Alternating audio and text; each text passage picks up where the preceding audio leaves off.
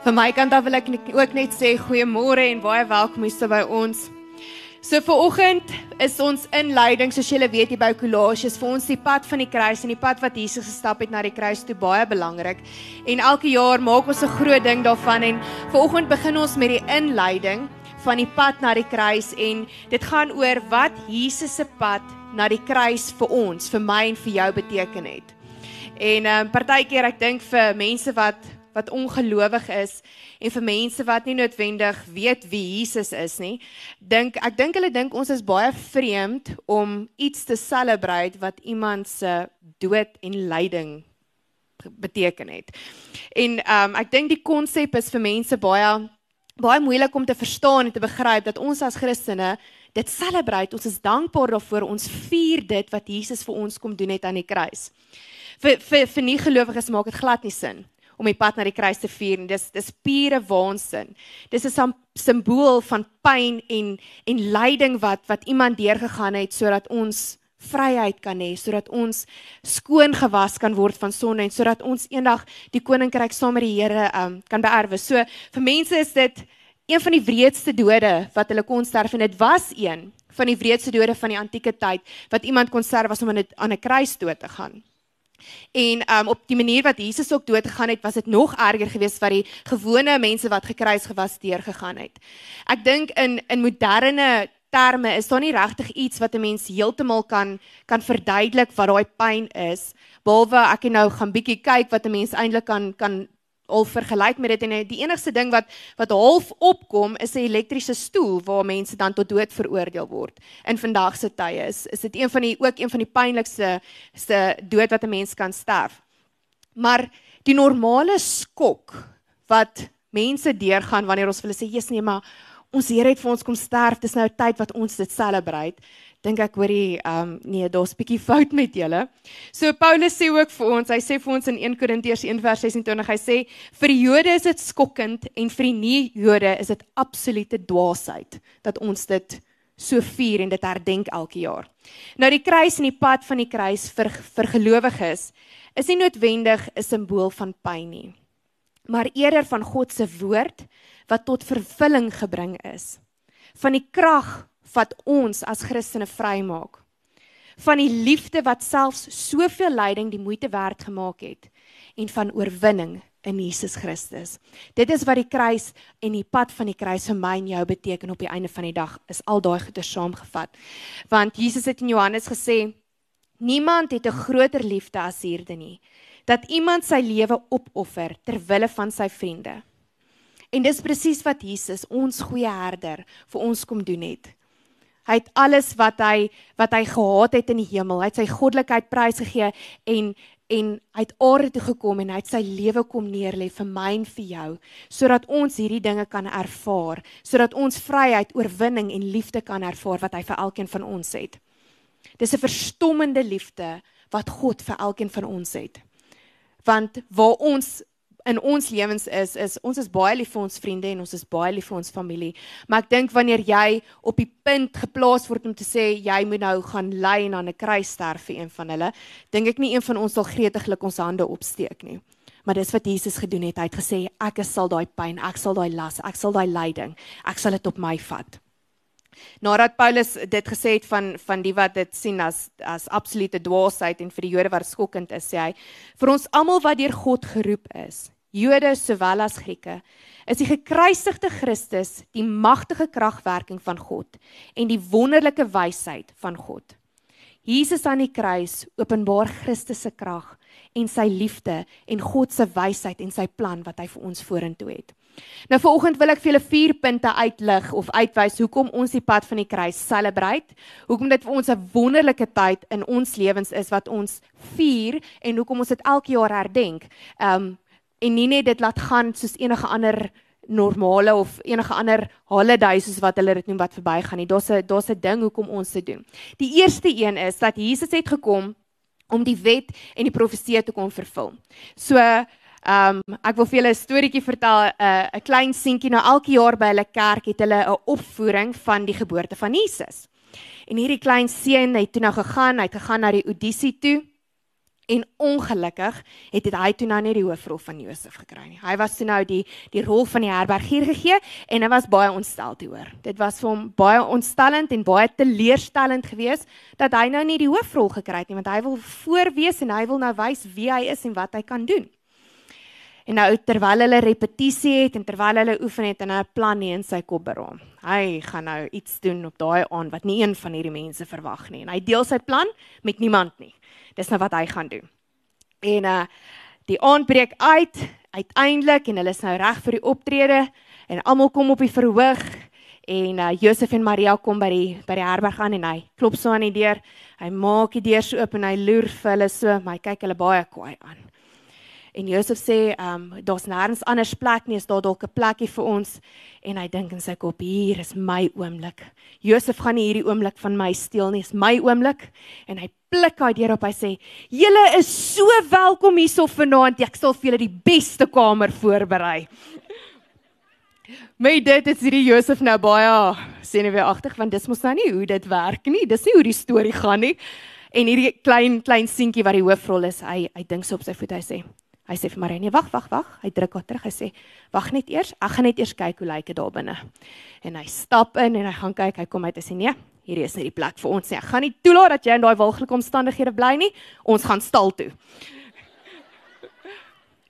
Nou, hoe hierdie seentjie dit ook al beplan het en wat hy ook al in sy kop gehad het, wat moet gebeur? Op die einde van die dag was daar 'n doel gewees met hoe Jesus gebore moes word en wat hy moes kom doen het op aarde. En dit is presies wat die plot op koers gehou het, is dat Jesus het geweet presies wat hy op aarde moes kom doen het. Hy het geweet dat hy 'n bediening hier gaan hê. Hy het geweet wat dat hy sy disippels hier bymekaar gaan maak en hy het geweet dat hy vir my en jou aan 'n kruis gaan sterf. Sy koers was beplan gewees van die begin af. En dit daar's soveel profeseë wat wat wat gespreek is in die Ou Testament oor sy geboorte, sy lewe, sy dood en sy opstanding, dat Jesus gekom het, aan die kruis kom sterf het en hy daai profeseë kom vervul. Ek lees ons uit Matteus 5 vers 17 tot 18 uit. Moenie eers daaraan dink dat ek gekom het om die wet of die profete af te skaf nie. Ek het nie gekom om dit af te skaf nie, maar om te vervul. Ek sê vir julle, totdat die hemel en die aarde tot niet gaan, sal daar beslis geen jota of titel van die wet tot niet gaan nie, tot alles vervul is. Nog 'n keer in Lukas het Jesus gesê, daarin het hy vir hulle gesê, dit was my woorde wat ek tot julle gerig het toe ek nog saam met julle was, dat alles wat in die wet van Moses en die profete en die psalms oor my geskryf is, vervul moet word. Nou die woordjie vervul hierso kom van die Griekse woord pleirou af wat beteken om vol te maak of om te vervul of om te kom voltooi. Nou met ander woorde Jesus het nie gesê hy het gekom om die wet nietig te maak en dit om dit net af te skaf nie, hy het gekom om dit vir te vervul. En dit is wat hy vir ons aan het met sy kruis het kom doen, hy het gekom om daai profesie uit te leef en hy het gekom om dit te vervul. Waar die wet nie die totale werk kon doen om iemand tot redding te bring nie, het Jesus Christus dit kom voltooi vir ons. Alles in die skrif wys vir ons op die vervulling van Jesus se se profesie en wat hy kom doen het. Korintiërs sê vir ons want al die baie beloftes van God in Christus Jesus is 'n volmondige ja. Daarom is dit ook deur Christus se te doen dat ons om God te verheerlik daarop amen sê. Jesus het gekom sodat elke belofte vervul sal word. Elke mislukking van Israel bevestig en reggestel kan word. Elke hoop wat eens uitgestel is, verwenslik sou word. Dat elke vyand wat ons in die oë staar, verslaan sal word. Alle geregtigheid in die wet, elke elke glimp van heerlikheid in die profete, elke vreugde, elke hartseer in die psalms, sou Jesus alles kom vervul, alles kom volmaak en hy het, en hy het alles soos wat dit geprofeteer is, het Jesus alles vir ons kom doen. En dit is die eerste rede hoekom ons Jesus celebrate, sy pad na die kruis celebrate, is omdat hy gekom het en hy beloftes volgemaak het. Die tweede een is Jesus het die het die krag om ons vry te maak om vir ons verlossing te bring. Daar's 'n boek genaamd The Great Themes of the Bible. Louis Albert Banks het dit geskryf. Nou D.L. Moody was 'n um 'n uh, evangelis gewees. Ek dink baie van julle sal weet van hom. Maar in hierdie boek spesifiek praat hy van 'n tyd waar waar Dale Moodley gegaan het na 'n uh, na 'n tronk toe in 'n in 'n verlate land en hy het gegaan. Die plek se naam was The Tombs wat hy besoek het. En daar het hy met die gevangenes gaan praat oor die evangelie, hy die evangelie met hulle gaan deel en vir hulle gaan sê wie Jesus is en wat hy kom doen het. Maar voordat hy met hulle daaroor gepraat het, het hy eers by van die gevangenes gaan sit en hy het vir hulle gevra, "Hoekom is jy hier? Wat het jy gedoen om hier op te eindig?" En hy sê wat nogal skokkend was is dat omtrent almal van hulle se antwoord was, "Maar ek het dit nie gedoen nie. Ek is onskuldig. Iemand het my gevreem. Ek het nie 'n 'n regverdige verhoor gehad nie. Dit was nie ek nie, ek was nie daar gewees nie. Elke liewe een van hulle met wie hy gepraat het om te hoor hoekom hulle daar is, het gesê dis nie hulle skuld dat hulle daar is nie. En uiteindelik het het Moody so rondgestap en hy het 'n man gekry wat wat so eenkant gesit het en hierdie man het sy hart uitgehuil. Met sy hande in sy gesig het hy uit Moody na hom toe gestap en hy sê vir hom, "Um, hoekom is jy hier so vandag?" En die gevangene het geantwoord, "My sondes is meer as wat ek kan dra." Verlig het Moody, hy was so verlig geweest dat hy een persoon is uit die al hierdie gevangenes wat wat erken het om te sê, "My sondes is te veel." ek was skuldig, ek het dit gedoen. Hy sê en hy daarvoor vir God gedank en daar was vreugde in hom gewees want hy kon toe met 'n oop hart die evangelie met hierdie man deel en vir die man sê, "Maar Jesus het gekom om jou vry te maak. Jesus het gekom sodat jy nie hier hoef te sit in hierdie hartseer en en dis voel jy's niks werd nie. Hy het gekom om jou vry te maak van dit van wat jy gedoen het." En is actually so so mooi akkurate beeld van waar Jesus vertel het van die fariseer en die tollenaar waar 'n man met 'n opregte hart die Here aanroep en die Here sal hom hoor waar die ander sal sê maar ek het niks gedoen nie ek het hulle praat hard hulle is geneig om om lou te wees en te sê maar ek het niks verkeerd gedoen nie maar die Here sal die ou met die met die reine opregte hart aanhoor en hy sal hom verlos en hy sal hom vrymaak die Here om die Here um, om te erken dat ons foute het ontvang hy ontvang ons die seën van verlossing. Wanneer ons erken dat ons nie foute het nie, dat ons goed is in wat ons doen en ons is half perfek, spreek ons baie spring ons baie keer die seën van die Here vry want binne in ons is daar foute, daar's dinge wat ons verkeerd doen wat ons nie noodwendig vir die wêreld wil wys nie, maar die Here sien dit raak en hy wil ons kom verlos van dit. Hy wil ons kom losmaak van dit wat ons vashou om daai hegte band, daai hegte verhouding met hom te hê om ook deel te kan vorm van hierdie celebration wat ons het van Jesus wat vir ons aan die kruis gesterf het. Om gevind te word, moet 'n persoon eers erken dat hy verlore is. En ek dink elkeen van ons wat ver oggend hier sit, moes op 'n punt in ons lewens gekom het voordat ons die Here aangeneem het en vir hom gesê het, ek is verlore, Here. Ek ek weet nie wat aangaan in my lewe nie. Ek ek ek weet nie hoe om vorentoe te beweeg sonder U nie. Help my. Ek is verlore. En dan is dit wanneer die Here vir ons die pad kom wys. Ons is soms soos in 'n ketting vasgebind. Wat ons voel die slot is so styf vas, ons weet nie om los te kom nie. Dis wanneer ons begin bid en 'n verhouding met die Here vorm en hy kom en hy maak daai slot los en hy maak daai kettinge los en hy sê ek kom om jou vry te maak. Ek kom om jou te verlos van die pyn. Ek kom jou te verlos van die sondes wat jy gepleeg het en gedoen het in jou lewe. Ek kom om jou skoon te was. Ek kom om vir jou vryheid te gee.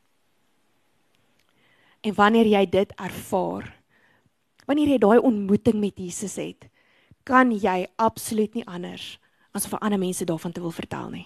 As om te gaan getuig wat Jesus in jou lewe gedoen het nie en om daai lig te wees dat ander mense dit kan sien, dat dit net uit jou uitstraal, dat dit so behoefte in jou hart is om vir ander mense te gaan vertel, ja, die Here is so awesome, dis wat hy vir my gedoen het.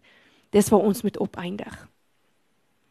Die derde punt is die kruis het die krag om my te oortuig dat ek geliefd is.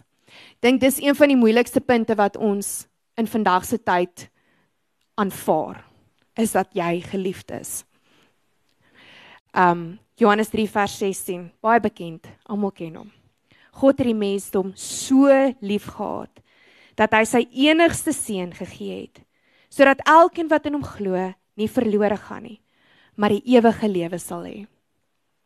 Nou ek as ouer ek kon nie voordat ek ouer geword het kon ek nie eerlikwaar hieroor gepraat het nie, maar ek as ouer voel soms dat wanneer ek my seentjie by my het of nie by my het nie, ek wil hom toedraai in bubble wrap en nog komberse en alles in die lewe doen om te keer dat hy nie seer kry nie, dat hy nie pyn ervaar nie, dat hy nie stikkend val nie, dat hy nie deur 'n tyd gaan waar hy waar hy seer het nie.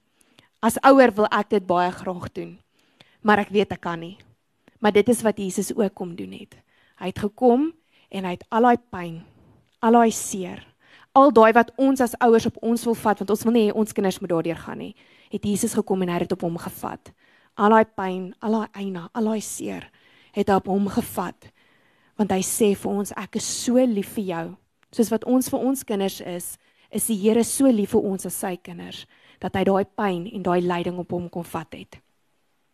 Maar totdat jy werklik besef hoe lief hy jou het, gaan jy nooit alles ervaar wat hy vir jou instoor het nie want dit is vir ons moeilik om te ervaar of te aanvaar dat die Here ons so so onsaglik liefhet dat hy vir ons die straf wat ons toe kom op hom gevat het. Ek wil vir julle uit 1 Johannes 4 vers 17 tot 18 lees. Ek lees uit die boodskap uit. Dis dis my so mooi vertaling. Dit sê: So bereik die liefdevolle God sy doel met ons. Ons kan die oordeelsdag met vrymoedigheid sonder om bang te wees tegemoet stap. In hierdie wêreld is ons situasie immers presies dieselfde as Jesus se. Waar daar liefde heers, is daar nie plek vir vrees nie. Veral nie vrees vir God se finale oordeel nie. Ware, egte liefde verdryf eenvoudig alle vrees. Iemand wat dus nog nie sulke vrees en sulke vrees in hom ronddra, se lewe is nog nie heeltemal deurdrenk met God se liefde nie. En hoekom nie? Want vrees is net heeltyd bekommerd oor die straf wat kan kom. God het ons eerste lief gehad. Daarom kan ons ook nie anders as om hom lief te hê nie. Dit is partykeer moeilik om loved te voel, geliefd te voel, te voel ek is genoeg. Ek dink dis een van die dinge wat meeste met ons koppe speel dat ek nie genoeg is om liefgehad te word nie. Ek het te veel foute al in my lewe begaan. Ek bid vir Here om my te help om om hierdie sonde te oorkom, maar môre doen ek dit per ongeluk weer. Ek voel ek is nie genoeg om om geliefd te wees dat die Here so iets vir my kon doen net nie. En dit is 'n fout wat ons maak want Sefanja 3 vers 17 sê: Die Here jou God is by julle. Hy's 'n magtige verlosser. Hy is buitengewoon bly oor julle. Sy liefde sal julle rustig maak. Met uitroepe van vreugde sal hy oor julle jubel. Hoe mooi is dit nie? Al voel ons ons is dit nie werd nie. Al voel ons ons maak te veel foute sê Jesus, ek is lief genoeg vir jou dat ek aan 'n kruis kom sterf het vir jou en daai las wat jy op jou moes dra, vat ek op my, het ek op my gevat. Dis 'n onbeskryflike liefde wat die Here vir elkeen van ons het. En totdat jy dit nie ervaar het nie, kan jy dit nie gaan uitdeel vir ander mense nie. Ek wil viroggend vir julle 'n skildery van Rembrandt wys. Die skildery se naam is The Three Crosses. Nou as jy eers na hom kyk, op eerste oogopslag. Dis die eerste ding wat jy sien Jesus in die middel van die kruis. Waar Jesus waar Jesus vir ons gesterf het. Die volgende gedeelte wat jy sien as jy dan nou mooi in fokus op hom, sal jy sien hoe die mense besig is om te, te reageer terwyl hulle vir die kruis kyk. En dan ehm um, sê kunskritiek sê daar onder in die hoek is daar 'n voorstelling van 'n man wat opkyk na die kruis. En hulle sê hulle vermoed dit is Rembrandt self. Hy het homself daarin geteken want hy self kon nie begryp en dit inneem dat die Here so lief was vir hom dat hy vir hom op 'n kruis gesterf het nie, maar hy het ook tot die besef gekom dat dit sy sondes was wat die Here aan daai kruis vasgemaal het. So dit is eintlik so mooi so mooi uiteensetting van van wie Jesus is, dat hy gekom het. Hy was so lief vir ons. Dit maak nie saak waartoe ons in ons lewens gaan en wat ons gedoen het nie. Hy was so lief vir ons dat hy vir ons aan 'n kruis kom sterf het. Die vierde punt wat ek wil maak vir oggend is ons is oorwinnaars in Christus. Romeine 8 vers 35 tot 38. Kan enigiets ons ooit van Christus se liefde skei? Sal dinge soos lyding of benoudheid of vervolging, honger of koue of gevaar of doodsdreigemente dit regkry. Selfs die skrif verklaar tog, om u ontwil bedreig die dood ons die hele dag en word ons slagskape beskou. Tog is ons ten spyte van al hierdie dinge besig om 'n klinkende oorwinning te behaal deur Christus wat sy liefde so duidelik aan ons bewys het. Een ding weet ek vas en seker. Niks kan ons ooit van Christus se liefde skei nie. Nie dood of lewe of engele of duiwelsmagte nie. Nie ons vrees vir vandag of ons kommer oor môre nie. Ook nie die bo-aardse magte nie. Ja, hoegenaamd niks daarbo of onder in die diepste of elders in die skepping sal ons ooit kan skei van die liefde van God en Christus Jesus, ons Here nie. Nou dis maklik om hierdie woorde te lees, maar om dit te glo is iets anders, want ons bly in 'n baie baie donker wêreld op hierdie stadium. As jy net kyk na natuurrampe wat rondom ons aangaan, daar's vloede, daar's aardbewings, daar's oorloë, daar's soveel dinge wat aangaan en hierso sê Paulus vir ons, maar ons lewe in 'n klinkende oorwinning. En dit is so moeilik om dit te begryp om te sê maar ek is reeds 'n oorwinnaar want al hierdie dinge is besig om rondom ons te gebeur en hoe kan ek sê ek is 'n oorwinnaar as ek besig is om deur al hierdie goeters te leef en dit dit dit affekteer my. Nou al hierdie vrae wat wat wat ehm um, wat Paulus hierso gevra het is retoriese vrae soos um hoe kan ons dit oorleef? Hoe kan ons deur al hierdie goeters gaan? Paulus gebruik hierdie retoriese vrae om ons te laat dink oor die sommige oor sommige van die werklike kwessies en vrae van die lewe. Hy sê ook vir ons dat net omdat al hierdie dinge besig is rondom om ons te gebeur, beteken nie dat God afwesig is in dit wat besig is om te gebeur nie. God is nog steeds by ons. Maar ons is geneig om te om die vrae te begin afvra en mense wat nie Christene is nie wat weet ons dien God, sal ons gevra maar waar is jou liefdevolle God in hierdie situasie? Waar is jou goeie God terwyl al hierdie lelike dinge besig is om in die wêreld te gebeur? Maar hier wil Paulus ons verseker dat die teenwoordigheid van die bose nie noodwendig die afwesigheid van God is nie of dat God 'n passiewe God is nie. Hy's betrokke by alles. Hy weet wat aangaan. Hy's saam met ons. Hy loop hierdie pad saam met ons. Die Heilige Gees is in ons, besig om vir ons wysheid en leiding en en insig te gee in die situasies wat ons elke dag ehm um, deurgaan. Wat Paulus vir sy leerders moet verstaan is dat God sy mense liefhet. Al is dit in oorlogtyd, al is dit in 'n tyd waar daar ehm um, nie oorlog is nie. Al is dit in 'n tyd wat dit hongersnood is, Al is dit in 'n tyd waar daar wat dit 'n groot oestyd is. Die Here is lief vir ons. God se liefde is konstant en niks in hierdie hele wêreld kan ons skei van God se liefde en ons oorwinning in Christus nie. Niks wat gebeur op aarde kan ons skei daarvan nie. Ons moet net vashou daaroor. Ons skryf vrae soos maar okay, dis reg, God is nog steeds lief vir ons, maar hoekom laat hy nog steeds goeters toe? Hoekom was jou ma of jou pa of jou sussie dalk in 'n motorongeluk? Hoekom is jou vriend of jou geliefde gediagnoseer met 'n siekte wat wat hulle nie gesond maak nie? Waar is jou almagtige God dan? En dan sê hy in Romeine 8 vers 37: Al gebeur hierdie verskriklike dinge met ons, is ons nogtans oorwinnaars. Ons deel in Christus se reuse oorwinning omdat hy ons baie liefhet. So al gebeur al hierdie dinge, Al gaan ons deur al hierdie verskriklike omstandighede en en goed sien rondom ons gebeur, is ons nogtans oorwinnaars want die Here is met ons. Hy los ons nie vir 'n oomblik alleen om deur dit te gaan nie. Net omdat dit ons Christene is, beteken nie dat ons al hierdie dinge gaan vryspring nie. Maar ons kan weet met 'n versekerheid in ons harte dat die Here dit saam met ons deurgaan, dat hy saam met ons stap, dat hy dit is, met ons is. Toe Christus aan die kruis gelei het, was niemand daar vir hom nie. Hy het sy lewe afgelê as losprys vir baie, vir die wêreld, vir jou en vir my. Hy het 'n opoffering kom maak vir ons om vir ons te wys hoe lief hy vir ons is en dat ons oorwinnaars gaan uitkom bo al hierdie dinge wat ons besig is om deur te gaan. Ons gaan oorwinnaars uitkom. Paulus verseker ons deur te sê dat God regverdig en goed is.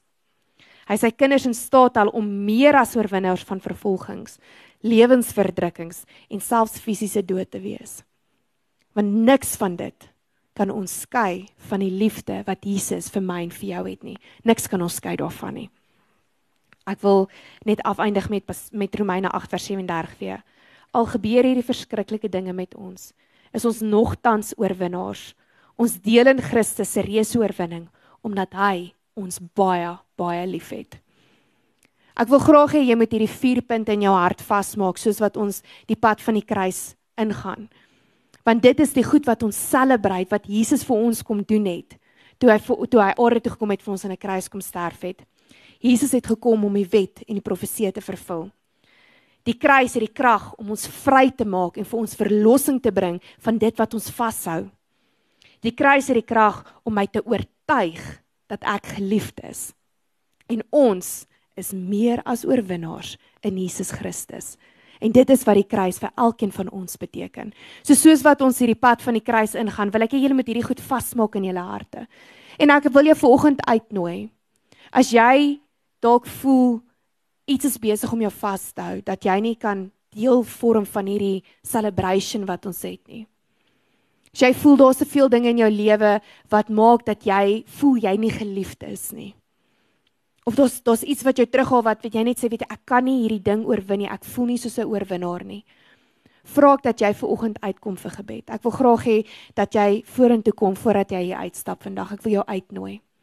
Dat jy saam met ons in hierdie celebration kan ingaan en sê ek is geliefd Ek is verlos en ek is 'n oorwinnaar in Jesus Christus as gevolg van hy wat op 'n kruis vir my kom sterf het. En wil ek julle aanmoedig om om deel te vorm van hierdie pad wat ons stap. Daar's 'n boekie wat ons ehm um, wat ons elke jaar doen en erg het om weer vir ons geskryf die weg, die waarheid en die lewe.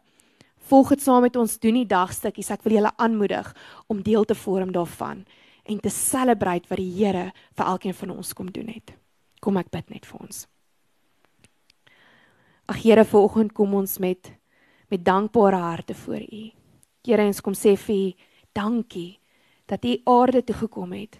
Dat U al die pyn en die lyding wat ons ervaar, Here, dat U dit op U geneem het. Dat ons vrygemaak is, losgemaak is.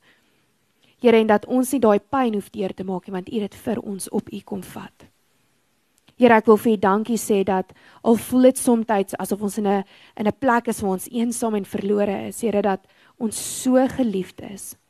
Dat U ons so liefgehad het, Here dat U U lewe vir ons kom gee het. Here ek ek kom net en ek en ek bid vir elkeen hier vanoggend, Here dat U hulle U liefde tasbaar sal aanvoel.